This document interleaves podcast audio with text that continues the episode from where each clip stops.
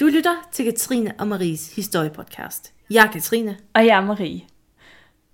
Hej Marie. Hej. Åh, han. Og det... Hvad har du gået og lavet siden sidst? Ej, jeg har simpelthen glædet mig så meget til at fortælle om det her. Jeg har jo haft en helt vidunderlig kulturoplevelse. Øhm, i, øh, i har du været på. Aros? Har du... Nej, jeg var simpelthen på Døllefjælde Musemarked. Okay. Døllefjælde. Musemarked. Ej, men jeg, jeg siger dig, altså, alle mine fordomme, de blev opfyldt, og det var fantastisk. Jeg elskede det. Det var, det var smukt. Alt, hvad man forventer, at? Døllefjælde Musemarked er, det var det. Der Ej, hvor godt. Jamen, jeg er faktisk helt misundelig. og, Ja, jamen, det kan jeg godt forstå. Det var øh, Døllepølser? døllepølser og træsko og tivoli og, og, og, og folk med tofarvet hår og crocs. Og, jamen, det var, det var perfekt. Og selvfølgelig Ej, hvor- Ej, Døllefjælde Musesangen, som blev spillet ud fra enhver bod. Det sådan bliver messet ud i evigheden. Ja. Døllefjælde Musse, Døllefjælde Musse, Døllefjælde Det er jo også en god sang. Ja, ja, ja. Ja, det er en fantastisk sang. Så alle, den alle bliver... stadig. Jamen, den holder 100 procent. Den har jo faktisk stået the, te- the test of time, kan man sige. Det må man sige. Altså, den, den, den hjernevasker jo lige frem. Altså, alle, der... Det, man, man elsker bare Døllefjælde Musemarked, når man har været der. Og jeg tror, det er den sangs skyld. Jeg er faktisk lidt misundelig nu. Ja, du må komme over, så tager vi på Dølle øh, til næste år. Døllefjælde Musemarked. Ja, eller Det er bare, eller bare på Døllen, som det jo hedder, sådan, når man er lokal. Oh, okay, jeg er ikke så lokal. Men jeg vil gerne på Døllefjælde Musemarked, fordi det er dejligt at sige Døllefjælde Musemarked. Døllefjælde Musemarked. Det eneste, der manglede, i hvert fald noget, jeg ikke fandt, det var sådan, et, øh, sådan nogle klappegeder. Åh, oh, Jeg elsker klappegeder. skal du ikke have en ged? Jeg vil så gerne have en ged. Altså, de kan jo også tage græsset, hvis der er. Ja, men jeg må ikke have husdyr. En ged er vel teknisk set Jo. ikke et husdyr. Jo, det er lige præcis et husdyr. Fuck. Modsat, modsat kæledyr. Kan, må du så et kæle, kan du så Jamen, kalde det en jamen, kæleged? Jamen, problemet er lidt det, ikke? Fordi at, jeg ved ikke, altså, de har ikke tænkt, da de lavede den der kontrakt. Fordi der står, at man ikke må have husdyr, men altså, så står der jo ikke, at man ikke må have kæledyr. Og en kat er jo ikke ligefrem et husdyr, vel? Nå, Ah, du arbejder sådan udenom systemet nu. sådan er jeg. Du kunne også få en varan. Ja, jamen, det, ja, det var der måske nogen i min familie, der vil sige, at det var der allerede på matriklen. Åh, oh, hvor har jeg dårlig humor. Åh, oh, Gud. Døllefjælde Musemarked har gjort noget godt for dig. Jeg ved det snart ikke. Jeg ved det snart ikke. Nå, men til gengæld er, har vi et rigtig godt afsnit i dag, ikke også, Katrine? Fordi jeg ved, at... Sådan at, helt urelateret Altså, relateret. ja, ja, og jeg ved, at, at øh, du har virkelig sat pris på, på det manus, øh, som, øh, som jeg har skabt til os i den her uge. Og, øh, og, Ja, og, det er og, sådan, at Marie, hun har taget teten i forhold til det her jernalder. Hun stoler ikke rigtigt på mine researchmetoder. Blandt andet fordi jeg underkender det halve arkeologien. Så Marie, hun har, hvad skal man sige, hun har frataget mig byrden med at researche det her emne. Mm. Og så sidder jeg i går, og så tækker der en mail ind. Og jeg sidder med 10 sider relativt tæt skrevet. og jeg tænker, at det her til resten af mig, hvad, hvad er det her? Er, er det en film, jeg skal indspille? Hvad sker der? Men Marie påstår så hårdnakket, at hun har begrænset sig Ja, så meget, hun overhovedet kan. det er, det Altså, er næsten- simpelthen essensen, jeg, har, jeg har trukket frem her. Ej, jeg vil, jeg vil godt sige, at jeg vil godt gå med så langt, at det er måske sådan... Måske det mest nørdede afsnit. Vi kommer vidt omkring. Ja. Så hvis I sidder derude, så er det nu. Altså, jeg har også brygget en stor kop kakao. Ja. Jeg har tisset af. Jeg har spist en banan, så jeg ikke skal på toilet de næste tre timer. Jeg er klar. My body is ready. Jamen, det er det, jeg vil høre. Det er det, jeg vil have, Katrine. Det er den slags engagement, jeg leder efter. Og jeg er glad for, at du har det sådan, når det kommer til, til jernalder, fordi det er simpelthen en... Altså, jeg, jeg vil bare gerne have, at folk de bliver wowet lidt i det her afsnit. Altså, og det, det tror jeg faktisk, at, at man gør. Gjorde du ikke det bare en lille bit smule? Det bliver bedre for side 7, kan man sige. Ej, øh, det har generelt været super fedt derude, når I lytter har meldt tilbage, at Ja. I godt kan lide det her. Ja. Det Og vi har jo, superfedt. altså jeg tror, vi har fundet en form for subkultur i Danmark, der værdsætter jernalderen. Jamen, jeg synes, vi skal lave sådan en, en støttegruppe for, for jernalder. Bare sådan generelt. Også selvom... Jeg tænker, de skal have et hashtag, ja. ligesom uh, Justin Bieber's Beliebers. ja. Hvad kan jernalderhoders hashtag være? Øhm. Iron Maidens. Han... Åh. Den, den sidder lige i skabet. Ja. Og selvom jeg kan huske faktisk, at min gamle, min gamle underviser på universitetet, hun sagde, at, øh, at øh, ja, jernalderarkeologer, det er sådan nogen, man kan fodre svin med. Jeg elsker den rivalisering, du har op. Jeg vidste slet ikke, der var så mange brud inde i arkeologiverdenen. Oh yeah. Altså sidste gang... Um, Altså, der går, der går de vildeste historier. Altså, der, der, altså stenalderforskere, det er ligesom, det er sådan en gruppe for sig, og dem er de ligesom, det er sådan en meget indspist gruppe, der i overvejende grad består sådan af mænd. Øh, og så er der bronzealderen, som er sådan også, den er også meget mandsdomineret, men der er lidt flere kvinder, og, og den er bare, de er sådan rimelig flippede på mange måder. Øh, og så er der så jernalder, hvor der er ret mange, og, og det er sådan der, hvor altså, der er mange af de sådan hardcore øh, PhD'er, og sådan meget, ja, vi laver forensic archaeology-agtigt på jernalder og sådan noget. Øh, øhm, og der bliver lavet sådan nogle virkelig, virkelig store værker. Nu har vi haft om Illerup Ådal i sidste uge, og, og, og, og hvad hedder det, publikationen Illerup Ådal, den er et eller andet, jeg ved ikke om det er sådan af 14 bind, nu kan jeg ikke lige huske det præcise antal, sidder sikkert en eller 14 anden, bind. Jamen, der sidder sikkert en eller anden jernar- jernalderarkeolog derude og siger, nej, det er faktisk 10 bind. øhm, Og fire appendixbind. og det, altså. der, der er virkelig mange bind i den. Så hvis der er nogen, der sidder derude og tænker, Ja. ja. hvad ønsker jeg mig til jul? Ja, øhm, Illerup så, har du, så er du sikret de næste 14 yes. jule. Ja. ja. Og så er der selvfølgelig vikingetidsforskerne, som jo så er en helt liga for sig. Jamen, jeg, for, altså, jeg forestiller mig lidt ligesom i den der Olsenband. Jeg tror, det er Olsenbanden ser rødt. Hvor Egon Olsen, han forklarer strukturen inde på det kongelige teater.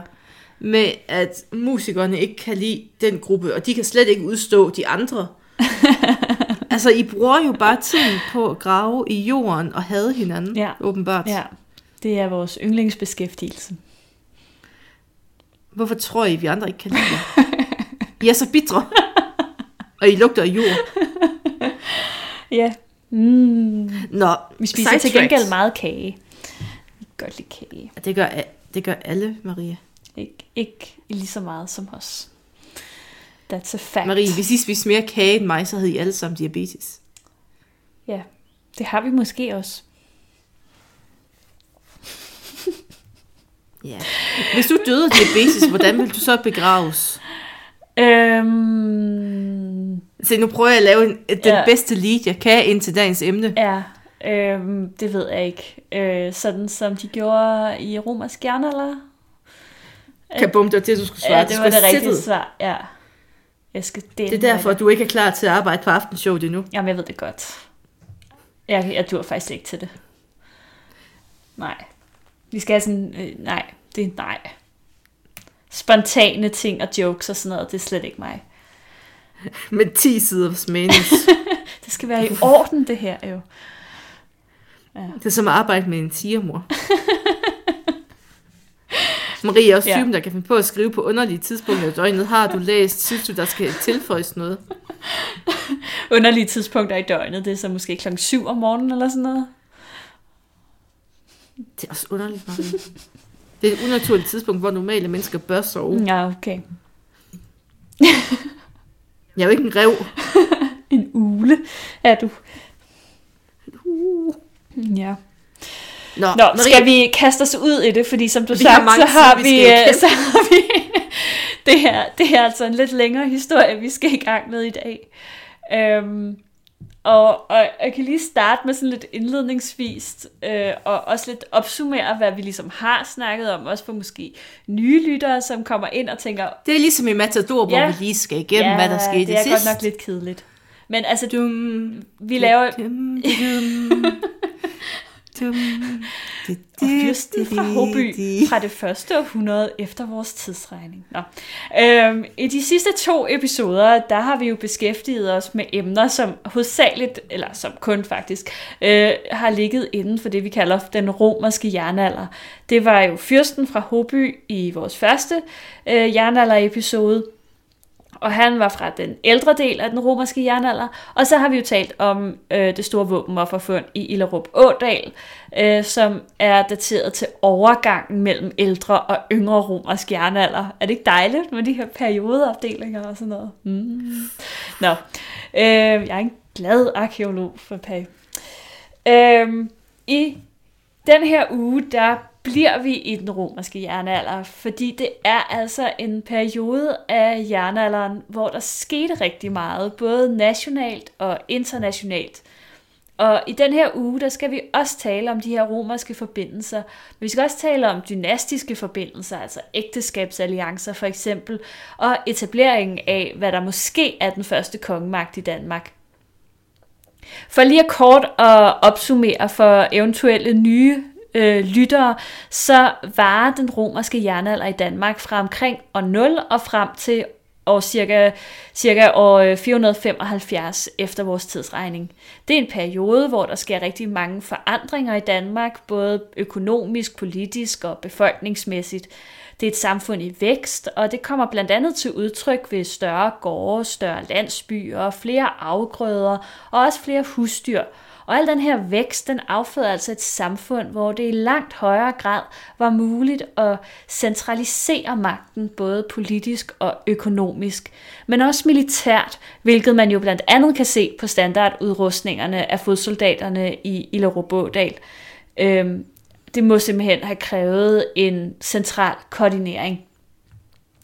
Det er også i den her periode, at de første handels- og håndværkspladser dukker op. De er forløberne for de senere handelsbyer, og dem skal vi tale mere om i næste uge. Men handlen med romeriet og de germanske stammer i Europa, den var stigende gennem romersk jernalder, og det var ikke kun importvarer af glas, sølv og bronze, der kom herop. På en lille gravplads på Sjælland, der har man fundet knoglerne efter en ung mand, som var begravet i det, vi måske betegner som en, en fattig grav, altså en grav, som ikke... Den havde ikke nogen fine gravgaver med sig. Øhm, knoglematerialet viste, at han havde levet et hårdt og slidsomt liv, mens han havde været levende, og øh, en DNA-analyse viste til mm, de flestes overraskelse, at den her mand altså havde arabiske rødder. Han havde Ah, formentlig... det er islamiseringen. Ja, men den startede tidligt. Øh, Det er knæfald. og han har formentlig haft en, en arabisk mor, eller måske bedstemor. Det kan være lidt svært at sige. Øhm, men helt sikkert en mor. Det er sådan noget med mitokondria-DNA, og sådan noget, der går fra mor til barn, og hvor at det, der går fra altså den anden type DNA, hvor man også kan se faren, den bliver ikke lige så velbevaret i, øh, i gamle knogler. Bla bla bla. Lang historie. Men det, at han har de her arabiske rødder, øh, har jo fået forskere til at spørge om, der kan være tale om sporene efter slaveri. Fordi det er jo noget, som vi kender fra vikingetiden blandt andet, og, men det er også noget, vi ved, at romerne gjorde sig rigtig meget i. Og, og netop Mellemøsten kunne være et sted, hvor de har hentet slaver, og vi ved, at det var en handelsvare for romerne. Så det er en mulighed, at, at man også i Danmark importerede slaveri på det her tidspunkt, sammen med alle de her kostbarheder. Den romerske indflydelse, den var markant øh, i tiden omkring 200 efter vores tidsregning, og den er simpelthen ikke til at komme uden om, hvis man vil forstå jernalderen herhjemme. Så derfor bliver vi nødt til at tale mere om romeriet og de romerske forbindelser. Og vi kommer milevidt omkring i dag, både til Donauflodens bredder, til Romerigets grænseposter og helt til Sortehavet. Men øh, vi starter på Stævns ved Hemlingøje. Det er godt, at man starter en så eksotisk historie på Stævns. Ja, verdenscentrum. Jeg, jeg har kun været der én gang i mit liv. Er det rigtigt? Det er et dejligt sted. Er det skønt? Ja. Der ligger et koldkrigsfort, det ved du godt jo. Det gør der nemlig. Ja. Ja. Stævnsfortet. Det er jo det. Skal vi ikke snakke om det i stedet for? En anden dag. Nu skal du snakke om øh, noget jeg prøvede. andet. Det her er spændende, Katrine. Jeg prøvede. Justice for jernalder. Come on. Justice for kold krig. Men ja, på Stævns ved Tryggevælde Å, ikke langt fra, hvor åen løber ud i Køge Bugt, har man udgravet nogle af de rigeste grave, man endnu har fundet uden for det romerske imperium. På baggrund af gravenes udstyr har man faktisk foreslået, at de gravlagte her kan være de første spor efter en kongeslægt, som ikke bare regerede på Stævns, men hele Sjælland. Gravpladsen den har været udgravet af flere omgange fra 1800-tallet og frem til 1970'erne. Og i dag der regner man med, at hele området er undersøgt. Altså modsat i Lobådal, hvor ja. man kun har gravet lidt i det. Ja. Man kender til mellem 13 og 16 grave, selvom der ganske givet har været flere, som gennem tiderne må være gået tabt ved grusgravning og andre slags anlægsarbejder. Gravpladsen den var i brug mellem 150 efter vores tidsregning og 250 eller 260, sådan cirka. Ja. Vi kan jo ikke finde nogle præcise tal. Nej, men vi kan godt lide at have lidt at vælge imellem. Han, han buffer. Der er altid sådan et ak- akademisk forbehold. En akademisk buffer. Vi bare lige komme med præcise udmeldinger. Så til jer jernalderkondisører derude, så kan vi jo så sige, at det er både grave fra den ældre romerske jernalder og den yngre romerske Det er en jernalder. meget vigtig detalje. Sikkert. Gravene indeholdt kostbare importvarer fra romeriet. Igen fra romeriet. Mm. Og det var sådan noget som bronzespande og glasbærer og fade. Men der var også prangende guldsmykker. Blandt andet indeholdt en af gravene en af de såkaldte kolbearmringe. Dem snakkede vi lidt om i sidste uge, for der var jo to i Lerebådal. Og man mener, at de knytter sig til den allerstørste, øh, altså den allerøverste del af samfundet. Og så spørger man, hvorfor? Det er fordi, at de her ringe, de stammer oprindeligt fra Sortehavsområdet hvor de har haft lidt den samme funktion som kongekroner. Og vi kan naturligvis ikke sige med sikkerhed, om den her symbolik den er fulgt med til Danmark. Men meget tyder på det, for den forbliver en væsentlig del af gravudstyret blandt eliten, og det kommer især til udtryk i det 5. og 6. århundrede efter vores tidsregning. Og der er ikke nogen tvivl om, at kolbearmringen den knytter sig til folk i samfundets top. Så du har altså været noget, hvis du har haft sådan en her. Det har man helt sikkert. Altså det vil du nok også være i dag. Jo, Det er ikke sådan en, man køber i glitter. nej. Altså, det er, det er noget særligt.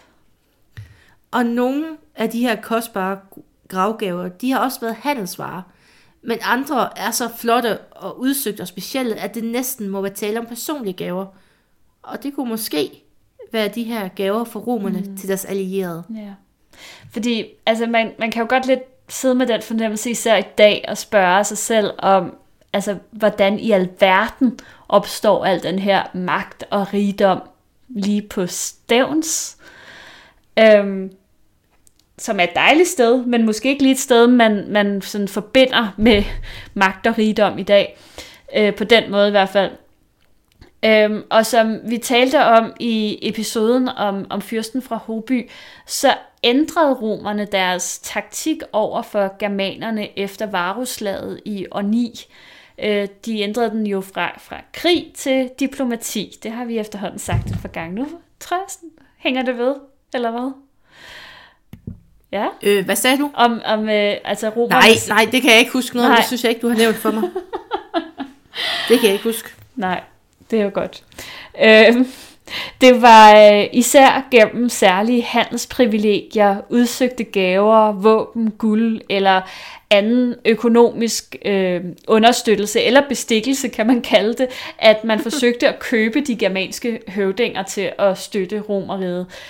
Måske det er det, vi ser i gravene fra Himlingøje, altså en slægt, som opbyggede sin magt på grundlag af romersk støtte, til gengæld for, at de skulle varetage nogle romerske interesser.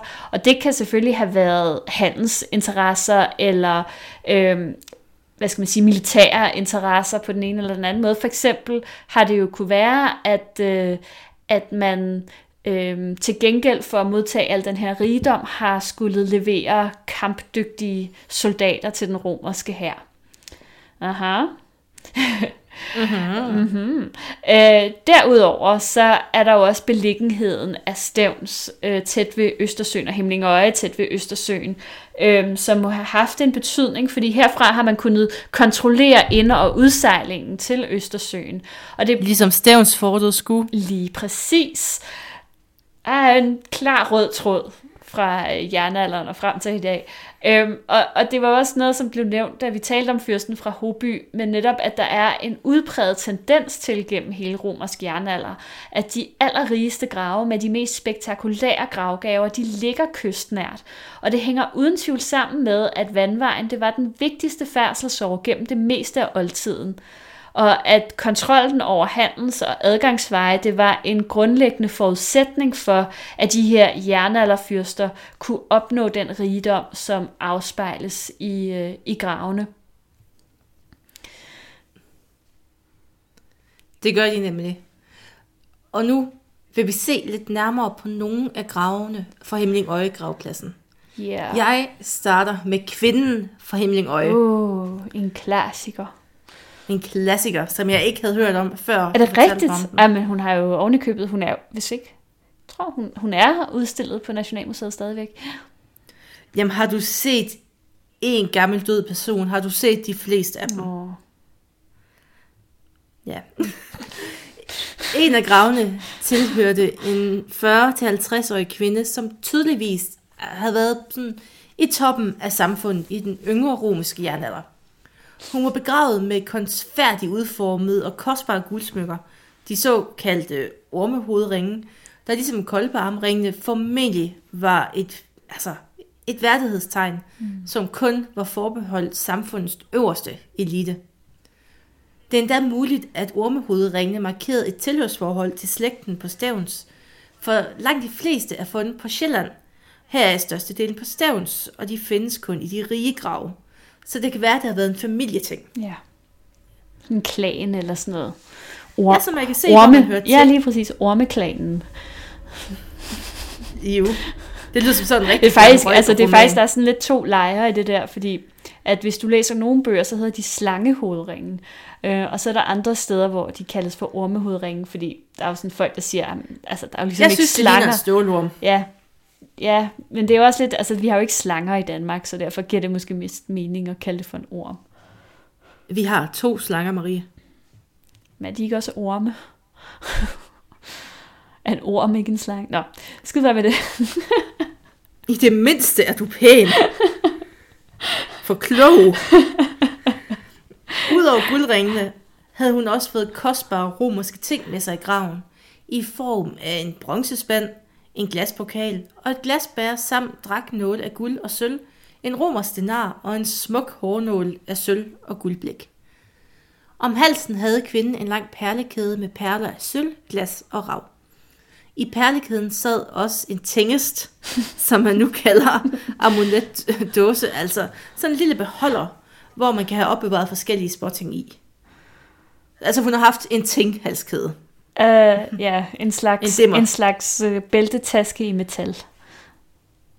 Eller Jo. noget.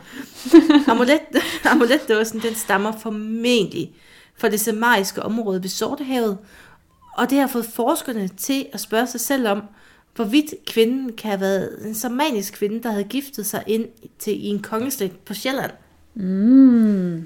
Spændende, spændende. Og selvom det lyder lidt vildt, så er det jo faktisk ikke så urealistisk. For vi har jo allerede nævnt, at der på Himlingøje også var blevet fundet en kolbearmring. Et samarisk værdighedstegn. Og det er langt fra de eneste spor, vi har efter den her samariske forbindelse blandt eliten i den romerske jernalder. Mm. Og den, Ja, den ja. snakker du om lidt senere. Ja, det gør jeg. Øhm, men altså først så skal vi lige, vi skal lige nævne en af de andre grave på den her gravplads, og det er måske sådan en af de mest specielle grave, ikke, øh, ikke bare for Himmelingøje, men sådan egentlig for romersk jernalder generelt. Hvor mange grave er der? Fra romersk altså på gravpladsen eller synes, vi generelt? ved med, Ej, jeg synes, der, vi kan blive ved med at snakke om døde mennesker. ja, men det, det er det, vi kan. det er svært at snakke om levende mennesker fra jernalderen, ikke? den, den her grav, den indeholdt en mand på omkring 20 år. Øh, men det, som var sådan lidt underligt, det var, at skelettet overhovedet ikke lå anatomisk korrekt. Øh, for eksempel så var lårbensknoglerne øh, placeret ved siden af, af armknoglerne op ved kraniet, og lemmeknoglerne de lå med oversiden nedad. Øh, meget Hvad er lemmeknogle? øh, det er for eksempel sådan også benknogler og armknogler og sådan noget. Det er sådan de, lang, Ja, de okay. lange knogler. Super. Yes. Øhm, meget tyder på, at der allerede kun var skelettet tilbage, da man begravede manden. Og, og derudover så synes man også, at det ud som om, der var hugspor på, øh, på hans øh, lægben og på skulderbladet. Og det har fået folk til at foreslå, at den her mand, han kunne være blevet parteret, inden han øh, døde. Altså han er blevet, han har jo været skelet allerede, da han blev be- begravet, så han må være død et andet sted, og er blevet begravet senere. Ja. Ingen, mm. ingen ved selvfølgelig, hvad der er sket, men det er altså en yderst usædvanlig begravelse, som ikke er set før eller siden i Danmark. Og man tolker derfor øh, den her grav som udtryk for, at han som sagt er død, øh, måske langt fra hjemmet, og derfor også slægtens gravplads, og at det har været vigtigt for familien, for ham selv eller for hans rejsefælder at bringe ham hjem. Og i den forbindelse har de måske hugget liget i mindre stykker, så det nemmere kunne transporteres. Det er jo dejligt. Hjem til gravpladsen, og så kunne de begrave ham der. At ikke alle på Himlingøje gravpladsen, de har været lige så heldige, det vidner to tomme grave om. Det er sådan nogle, de kaldes for kenotafer, og øh, de er anlagt, men har tilsyneladende aldrig været i brug. Og de kunne altså antyde, at flere af de her Himlingøje-dynasti, som man kalder det, øh, flere unge mænd fra det her Himlingøje-dynasti, de drog ud i verden på en farfuld færd, øh, som langt fra alle kom hjem fra. Hvor den unge mand han døde henne, det kan vi selvfølgelig kun gisne om. Men øh, med sig i graven, der havde han en hund, som modsat sin herre var nedlagt i helt stand. Måske sandsynligvis var den blevet dræbt i forbindelse med selve begravelsen. Hunden den adskiller sig fra den type hunde, der ellers kendes fra Danmark på det her tidspunkt. Det er med stor sandsynlighed en såkaldt maremma-hund. Øhm, og hvis man ikke lige er sådan familiær med hunderaser, så er det en øh, langhåret hyrdehund. Den er meget fin. Øhm, yes. de skal sådan ud og begynde Ja. at have sådan nogle hundekonkurrencer, ja. de der, hvor de skal gå sådan, den er meget Den er fin. fin. Langhåret maremmerhund. Øhm, den her hunderace skal kendes som sagt slet ikke i Danmark fra jernalderen, og derfor så går man ud fra, at den unge mand i graven, han har fået den på en rejse i udlandet. Og det har formentlig været i romeriet, fordi her der kendes den som romernes foretrukne hyrdehund. Selvom hunden til cykellandet havde tilhørt en højtstående person, øh, fordi den her unge mand, han var jo også øh, en rig person, han, han havde også fået rige gravgaver med sig, øh, så havde hunden levet et hårdt liv. Den havde fået voldsomme skader, mens den stadig var i live. Både ben og kranie var beskadiget. Ingen af de her skader, de har været dødelige, de er helet, øhm, men øh, de har været sådan temmelig voldsomme, nogle af dem. Øhm, og selvom at det kan pege på, at man behandlede hunde mere brutalt i jernalderen, så er det nok mere sandsynligt, at de vidner om, at hunden blev brugt til jagt. Altså det er, det er faktisk ret almindeligt, når man finder hundeskeletter fra jernalderen, at de er øh, eller har været udsat for sådan ret voldsomme øh, traumer eller skader øh, i løbet af deres liv.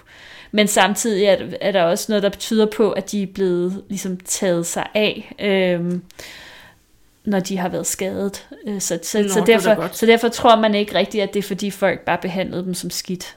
Øhm, Det er også dumt, hvis det er ens jagthund, Jamen, den skal ud og fange det er lidt det. Altså, der, der er nogle af de her skader, hvor at man altså må have plejet den her hund, og ikke bare aflivet den, så den har fået lov til ligesom at, ja, at hele og komme til sig selv, så den kunne, kunne blive god igen. Øhm, Det kan vi godt lide. Ja, de var gode ved hunden i jernalderen. Skal vi ikke bare sige det? Jo, Ja. det vil jeg gerne, ellers Ja. kan jeg ikke sove. Nej. Øhm, men øh, Himlingøje, det er jo langt fra den eneste gravplads i det her område på Stævns, øh, ikke så langt fra Køge Bugt. Og inden vi går videre, så skal vi lige hurtigt vende to andre gravpladser, og det er dit job. Det er mit job. Ja. Fordi at nu skal vi lidt væk fra Himlingøje. Altså ikke alt for langt væk, Nej. men væk. Lidt væk. Sådan en Det er smule væk. Varbelev og Valøby. Valøby. Eller Valøby. Ja. Det kommer an på, hvor man kommer fra, Marie. ja, hvis, man, hvis det havde været i Jylland, havde man udtalt det, som jeg gør. Ja, Og hvis det var fra Sjælland, udtalte man det, som Marie gør. sådan er det. Potato, potato, tomato, tomato. Det skal lige siges her- faktisk, at inden at vi går i gang med vores programmer her, så, så har vi ofte sådan en lille session, hvor at man siger, hvordan vil du udtale det, og hvordan vil du udtale det? Og vi er altid uenige om det. For Ja. eksempel Haraldskær, Ja. eller du udtalte. Uff. Ja. Ja. Ja. Nå. Whatever. Vi laver en dialektservice ting Ja. senere i historiehjørnet eller sådan noget. Det kan være, ja. Men her, lidt væk fra Himmelingøje, fandt man en mindre gravplads bestående af en 10-15 grave. Og igen, så er det en situation, hvor der oprindeligt nok har været flere, men igennem tiden er, gået, er de gået tabt. Gravpladsen den har været taget i brug omkring samtidig med, at man holdt op med at benytte gravpladsen ved Himmelingøje. Og man tolker det her sådan, at måske er slægten flyttet, Måske er slægten uddød, og en ny fyrsteslægt forsøgte at vinde fodfæste og derfor magten på stævns. I hvert fald så lykkedes det nok ikke. På Varbelev, eller ja. hvordan du nu vil udtale Ja, det, det er rigtigt. Der er ikke så mange udtalemuligheder. Varbelev. Der Og så ringer der, så kommer der en fra Stævns. Jo, det udtales. var Pælev. Varbelev. På gravpladsen fandt man kun to rige grave. Det var henholdsvis en mand og en kvinde. De resterende, de var udstyret med langt mere beskeden, altså det var mere beskedende gravgaver. Mm. Hvilket, man har, altså hvilket har gjort, at man har tolket det her som et høvding eller et fyrstepar, omgivet af deres folk. Mm. Vi skal ikke gå i for meget med dybden med indholdet af de her to grave, heldigvis. De var på sin vis meget almindelige i den forstand, at de var, altså de var overdådigt udstyret med guld og sølvsmykker, og romersk import var af bronze og glas. Som man jo har. Altså det her, altså de her jernalder ting, Ja, det de har virkelig sådan- inspireret mig til min egen begravelse. Ja, det skal være romerske ting og bronze og glas. Masser af pasta, masser af vin. Ej, du er så racistisk. What? Jeg ville, jeg ville sagt, at jeg ville begraves i Gucci. Ja, okay. Pasta er da en god ting. Det er, bare så, det er så pøbelagt, du kan få til en femmer i netto. Jeg er fra Vestegnen. Hvis pasta er det fineste, du kan finde i dit liv, Marie. Hmm. Ja. Ja. Det skal vikles ind i pasta. Uh, den dyre til 7 kroner, den fuldkorn. Vi kan se, det her, det var en rig pige fra Vestegn, hun havde fuldkornspasta nedsvinket med hende. Og den er forfærdelig billig Lambrusco-vin.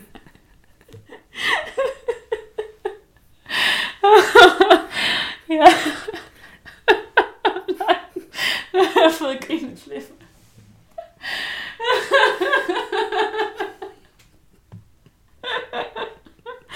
Fortsæt du bare. Jeg kører bare. I kvindegraven blev der dog også fundet en genstand, en hårnål, som igen leder os i retning af Solhavsområdet. Det var en hårnål af guld med en indfattet altså halvædelsten, en karnol og tre små halvmåneformede guldsmykker, der hang ned fra ædelstenen. Det vender vi også tilbage til. Det er sådan en cliffhanger, vi kører igennem hele showet.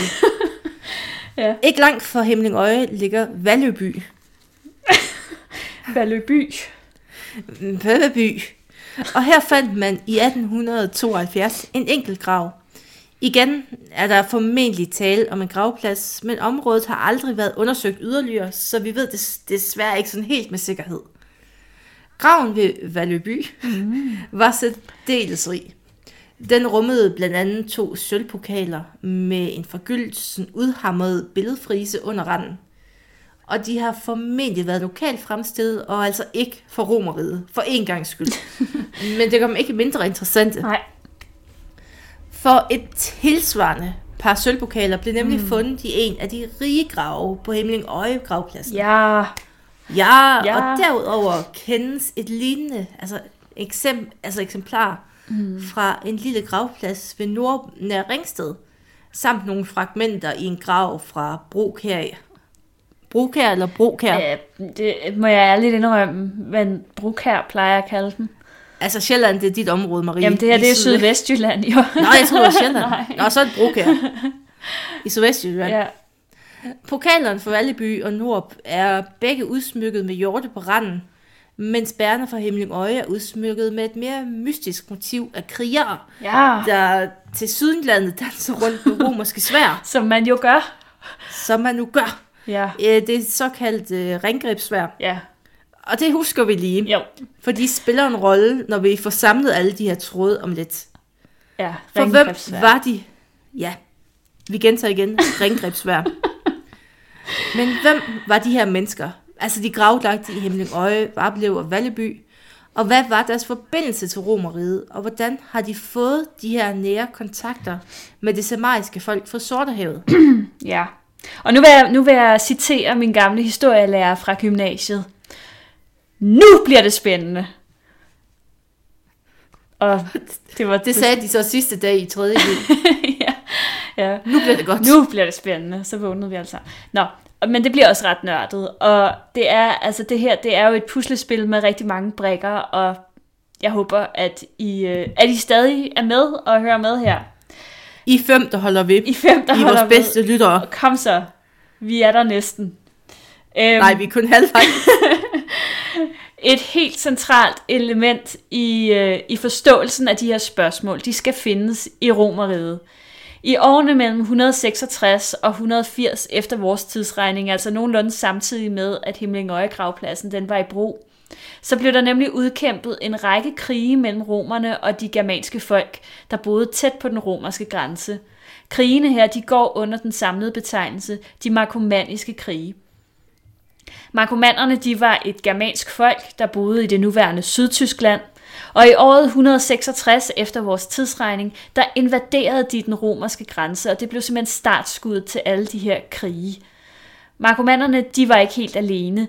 Generelt så var de germanske stammer i Mellemeuropa kommet under pres, hovedsageligt på grund af folkevandringer, og det var særligt goternes folkevandring øh, fra det nordlige Polen og til Sortehavet, der ligesom sat rigtig pres på. Og de her øh, begivenheder, de skabte uro og ballade blandt folkene. De pustede også til gløderne af sådan en ulmende utilfredshed med det her romerske overherredømme. De germanske stammer, der før havde været allieret med romerne, de begyndte nu at trænge ind over den romerske grænse på plyndringstogter. Og Det skal de lade være med. det, øh, ja, eller skulle de? Fordi romerne, de mm. var jo faktisk ret svage på det her tidspunkt. Hvis ikke magtesløse, så var de i hvert fald tøvende. Den romerske hær, den var nemlig svækket. Øh, både fordi man lige havde afsluttet en meget lang krig med parterne over i det nuværende Iran, og så også fordi, at en voldsom pestepidemi havde hærget og slået mange soldater ihjel. I stedet for militærmagt, så forsøgte man i begyndelsen at nedkæmpe den her germanske opstand med diplomati. Det var jo ligesom deres primære strategi på det her tidspunkt. Og man forsøgte at købe de germanske konger med løfter om guld og grønne skove, men det hjalp ikke. Og for at have en chance mod de indtrængende germaner, så begyndte romerne derfor at hente lejesoldater fra de germanske folkeslag, som de ikke var i krig med. Og hvis man overlevede det her, så kunne man tjene ret store summer og tage hjem som en rig mand.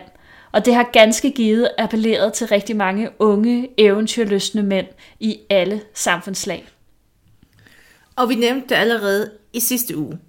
Men der er rigtig meget, der tyder på, at blandt andet mænd fra Danmark rejste afsted for at kæmpe som lejesoldater for romerne. Mm. De mange romerske møntskatte, der er fundet i Danmark, bliver af nogle forskere tolket som soldaterlønninger. Men der er særligt et våben, der er kædet sammen med deltagelse i, i markomanderkrigerne. Kom så, ringgrebsværet. Uhuh. Uh. Det var jo dem, der var afbildet på sølvpokalerne i Himling Øje i hånden på en flok dansende krigere, men de kendes også i fysisk form herhjemme. Mm. Nemlig et andet stort våben var forsvundet på Vimose på Fyn. Ja, Ja, ja. Fyn. Fyn. Fyn representing, Det er det. hvor man, altså, altså man har ikke mindre end seks eksemplarer af sværet, Ja. hvilket gør det til den største samling af typen uden for det romerske rige. ja. Altså, det, mange af de ting, vi har fundet, det er det største uden for det romerske rige. Jamen, det, jamen og, det, og det understreger lidt, hvor vildt vi havde det i romersk jernalder. Øh, Det er en, det er en, det er en helt, det er en exceptionel periode. Og det er også derfor, kan man sige, at som, som arkeolog, der, der sad man lidt med kæben på bordet, da, da DR's Danmarks historie ligesom bare sprang alt det her over, hvor man tænker, hey, det her, det var faktisk på mange måder, det var jo en helt vild periode, der skete så meget. Vi var, vi var toppen af poppen på det her tidspunkt.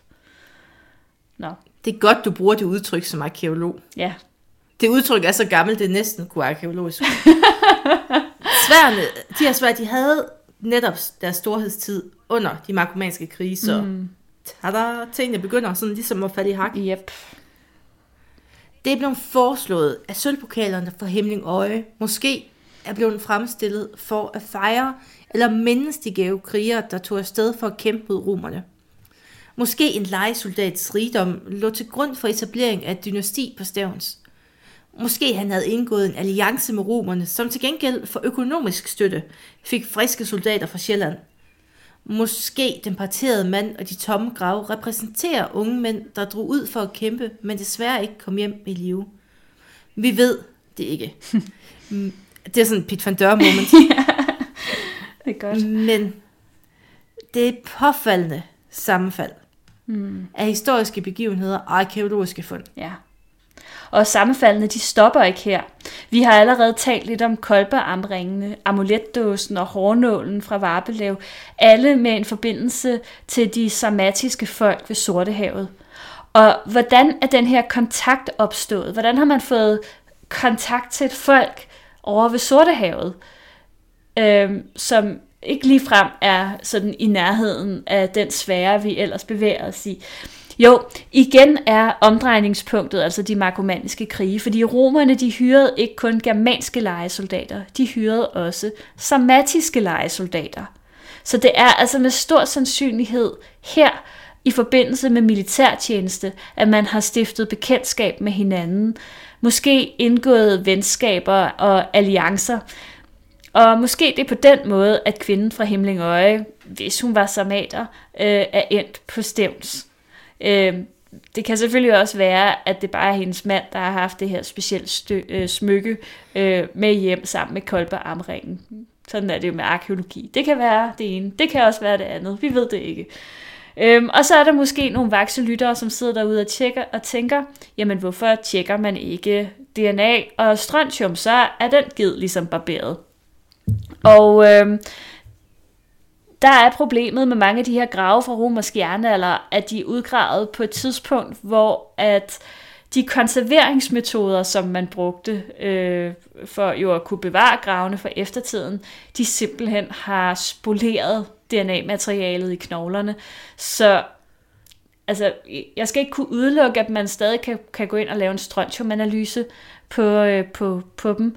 Øhm, så vidt jeg ved, er der ikke øh, nogen, der har gjort det endnu. Øhm, så indtil videre er det stadig et åbent spørgsmål, indtil man eventuelt, hvis ikke strontium kan bruges, udvikler en anden metode til at kunne sige noget om de her folks ophav. Indtil da, der må vi jo bare kigge på og nøjes med de arkeologiske øh, fund. Så har jeg et fund mere til vores fundbingo i dag. Ja, det er, en, det er Og det- mit, et af mine yndlingsfund. Uh, og så har jeg fået lov til at få det. Ja, fordi sådan er jeg. Og du er så gavmild, Ja, så kommer vi til Årslevgraven. ja, og det er også Fyn. Det er Fyn. Det er også Fyn. Jeg har boet seks år på Fyn. Jeg har fortjent at få lov til at se Fyn.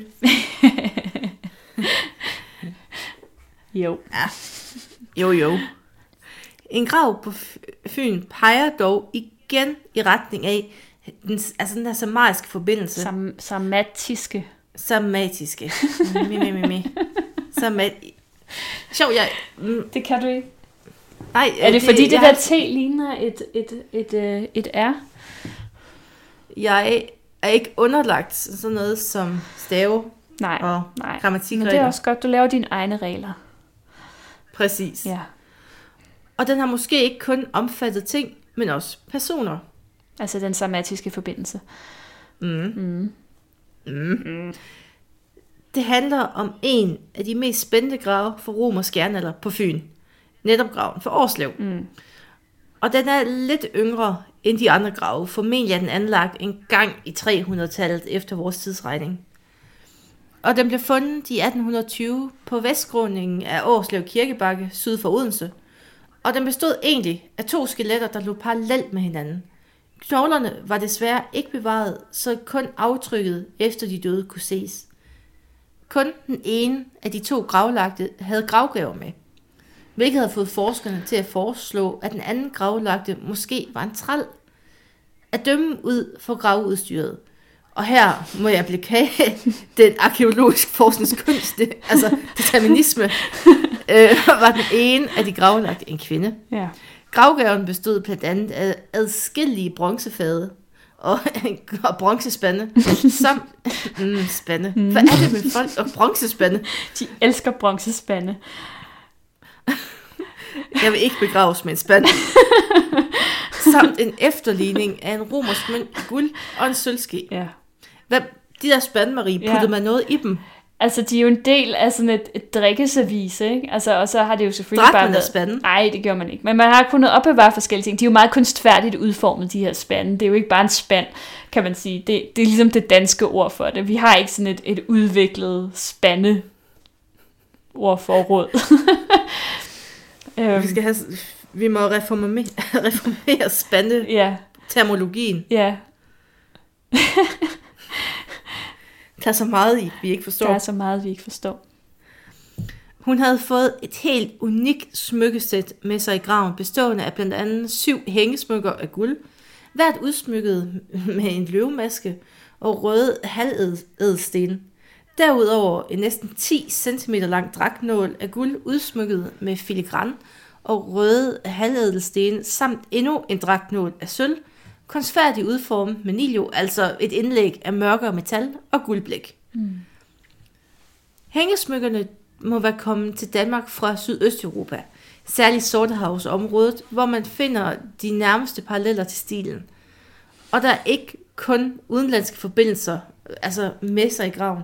For kvinden øh, fra Årslev havde en hårnål, som var fuldstændig identisk med den hårnål, som var blevet fundet ved Varpelevgraven. Altså guld, med røde halvædelsten, guldtråd og halvmåneformede guldsmykker. Er det ikke fantastisk?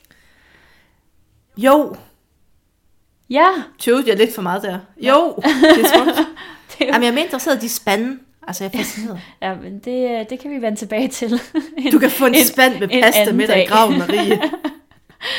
De der bronzespande, de, øh, dem, dem er der skrevet meget om. En af, en af de ting, der gør den her grav, synes jeg er rigtig spændende også, det var, at der jo lå en lille kugle af bjergkrystal med en indristning på græsk. Og den her græske, øh, det her græske ord, eller to ord, eller hvad man skal kalde det, det er ablana analba. Og det er et øh, palindrom, altså et ord, der læses på samme måde, både forfra og bagfra. Men det er også en besværgelse, som kendes fra flere amuletter i Middelhavsområdet. Og det, Ej, så, så går du bare Da Vinci-mysteriet på det her. ja, nu bliver det, nu bliver det helt vildt. Øh, den her besværgelse, den betyder, du er vor fader, og den knytter sig til gnosticismen, altså en tidlig version af kristendommen, hvilket kunne antyde, at den her At hun er Jesus. at den her gravlagte kvinde øhm, var, Nej, hun må være Jomfru Maria. ja, hun var i Sorry. hvert fald Jeg skal måske, lige huske, hvad Da Vinci-mysteriet. ja, ja, det kan være, at det faktisk er den hellige gral, det her. Uh, I hørte det her først. ja. Nå, at hun i hvert fald måske er kristen, det kan den antyde. Og i så fald, så vidt jeg ved, så er det altså det tidligste kristne indslag, vi har i Danmarks oldtid. Så det i sig selv, synes jeg også, er, er ret vildt. Den her samatiske forbindelse, den skal hovedsageligt tolkes som et udtryk for ægteskabsalliancer, altså konger eller fyrster fra det nuværende Danmark, der har giftet sig med kvinder fra Sortehavsområdet. Det er også værd at nævne, at det jo ikke kun er i Danmark, at man finder spor efter den her samatiske forbindelse. I Sortehavsområdet, der har man også fundet tilsvarende spor efter kvinder med et tilsyneladende skandinavisk gravet styr. Så ægteskabsalliancerne, de er i så fald gået begge veje. Præcis hvad man har fået ud af at have øh, venskaber og alliancer over så lange afstande, det er svært at sige. Men det viser i hvert fald, at man tænkte stort i den romerske jernalder, og at vi langt fra lukkede os om os selv. Det gjorde vi nemlig ikke. der var nemlig kamp om landet, og der var krig, og der var konger. Ja, Ja, så får jeg noget, jeg godt kan lide. Du kaster mig sådan en lille ben en gang imellem. ja, sådan, værsgo. Uh, der var mange andre eks... Uh, ja, jamen, altså, øh, altså, hvis du kaster mig krig og ødelæggelse, så kommer jeg, Marie. Ja, Der er mange... okay. Du, du er fjælet i dag. Nej, nu, nu opfører jeg mig ordentligt. med løg på. Øhm, der er mange andre eksempler fra den romerske jernalder på de her vidt- vidtstrakte kontakter eller dynastiske forbindelser mellem fyrsteslægter. Vi kan ikke rigtig gå i dybden med det her, fordi at så var det her fire timer. Men en række grave peger også i retningen af en forbindelse til, sydlige, til det sydlige Tyskland. Mm. Så konklusionen er, verden blev glo- globaliseret i den romerske jernalder. Mm. Udsynet påvirkede samfundet på flere måder. Organisationen af samfundet begyndte at ændre sig mod en mere centraliseret og hierarkisk opbygning. En kongemagt var ved at vokse sig frem i det danske område, og de første småkongedømmer blev uden tvivl baseret på militærmagt. For i samme periode ser vi en stigning i både våbengrave, militære forsvarsværker og ikke mindst våbenoffrene, som vi så i for eksempel Lillerup Ådal. Våbenoffrene har vi allerede talt om. Eller rettere, vi snakkede om en meget specifikt et, men det er jo langt fra det eneste. Der har været Vimose, Gravehul, Ejsbøl, mm. Torsberg og Nydam. Oh. Det er sådan de vigtigste. Ja. Men dem kan vi, altså dem kan vi snakke om i senere episoder, hvis I Hvis- ikke kan få nok Nej, af våben vi- i huller. Vi kan altid vende tilbage og tage en våbenoffring. Mm. Og hvis I ikke ved det, så er det især i orden med mig. Ja. Ja. Men altså, hvis I sidder og brænder inde med noget, så Så, Google er jeres ven. ja. Men udover våbenoffringer, så er det jo også her militære forsvarsværker. Vi har nævnt nogle af dem ganske kort i den første episode, men nu har vi tid til sådan at rigtig grave i dem. ja. Så Marie, grav løs. Ja, jeg graver løs. Ej, det vil sige, vi tager bare lige et par stykker af dem, tror jeg, eller nogle, nogle få stykker. De Øhm, vigtigste. De vigtigste. Åh, oh, det skal man passe på med at sige, fordi så sidder der en eller anden arkeolog og siger, det der, det var slet ikke den vigtigste. Nå. Øhm, Det er dine dødsfjender, ikke ja, man må, man må tage sin, sin uh, chancer en gang imellem. Uh, vi starter med nogle søspæringer, og de uh, kendes fra hele Danmark, og men flest de er fundet i Jylland, og kun ved de østvendte kyster, hvilket uh, er det samme fundbillede uh, for våbenoffringerne. Det kunne jo tyde på, at den her trussel, man har skulle forsvare sig mod, uh, kom fra, fra øst. Det er jo interessant. Um, Ligesom under den kolde krig. Ligesom under den kolde... Det var faktisk... Måske var det den kolde krig. Dengang. Jeg savner bare den kolde krig, Ja. Marie. Jeg prøver at finde. Vi nogle- prøver, vi prøver og vi siger bare den kolde krig i jernalderen, og så, og så, så er du glad, ikke? Ja. Ja. De her søspæringer, de placerer sig generelt i tidsrummet mellem århundredet inden vores tidsregning, og så frem til 400 efter vores tidsregning, og det er jo altså også samtidig med våbenoffringerne. Øhm, der er de her to, øh, der er flere søspæringer som sagt, men, men især de her to øh, i Haderslevs Fjord, øh, Margrethes Bro, og nu er det så mig, der kommer i, i, øh, i beknep her med det jyske. El- LA, LA, Eller ej. LA. Ja, ja, det er et underligt navn. LA. Nå, ej. LA. Det skal de- rulle, Marie. Ej. LA. Margrethes Bro og LA som sagt er fundet i Haderslev Fjord, og de er dateret til tiden mellem 370 og 418 efter vores tidsregning. De består begge af et bredt bælte af nedbankede pæle og sådan flade egetræsstammer, som kaldes flydere, og de her flydere de blev holdt fast af pæle. Men der var også andre træstammer, som bare sådan lå løst og spærret. Øhm, de her træstammer, de havde en længde på sådan 3-5 meter og en bredde på 30-45 cm. Så det har altså været et anlæg, som det krævede temmelig mange ressourcer at opføre. Det er øh, derudover markante og kraftige konstruktioner, de her søspæringer, og de må uden tvivl have spillet en væsentlig forsvarsmæssig rolle. Margrethes, øh, Margrethes Bro-spærringen, den er 425 meter lang og er cirka 24-35 meter bred, mens Elej er øh, noget længere, 600 meter lang og 25 meter bred. De ligger begge to i mundingen af Haderslev øh, Fjord, omkring 1 km fra hinanden. Og fra søspæringerne er der cirka 16 km ind gennem fjorden til det nuværende Haderslev, og derfra kun få kilometer til en af de store våbenoffringer, nemlig Ejsbøl, hvis dateringen i øvrigt er nogenlunde samtidig med søspæringerne. Og det er jo fristende at forestille sig, at der er en sammenhæng mellem etableringen af de her søspæringer og så det store krigsbytteoffer inde ved, ved Ejsbøl. Så springer vi fra havet til landet, Ja. til Olgerdide, som jeg allerede har teaset lidt med. Det er et andet forsvarstype for den romerske jernalder, det er langvoldene. Mm. Der er registreret ganske mange af dem i Danmark, men de fleste er ikke undersøgt. Og kun få af de undersøgte har man kunne datere. Det er sådan lidt svært at datere en bunk jord, har jeg fået indtrykket af. Øh, hvis der ikke er trækul i det, ja. Åh, manglen på trækul endnu en forhindring. En af dem, man ikke er i tvivl om, det er Olgerdide, der ligger i Sønderjylland. Den løber over en strækning på cirka 12 km. Oprindeligt har den bestået af flere rækker palisader af sådan tæt siddende øh, stolper. Altså sådan stolperne står ret tæt på hinanden. Og i de fleste tilfælde er der dobbeltrækker, men visse steder helt op til fem rækker, samt en vold og en voldgrav. Mm. Og for at sætte det lidt i perspektiv, har man udregnet, at der til byggeriet af palisaderne alene har været behov for altså 90.000 stolper. Ja, det er ret vildt. Det, det er meget træ. Ja. Og det, altså, og det er meget større end det antal stolper, sådan omkring 8.000, der blev brugt til palisaden på vikingborgen Trelleborg. Mm. Så Kom igen, vikinger. Altså, vikingerne, det var bare en discountudgave af jernalderen. Fuldstændig. Kom at Det er faktisk det, der er hele, det, hele, det hele min pointe med det her.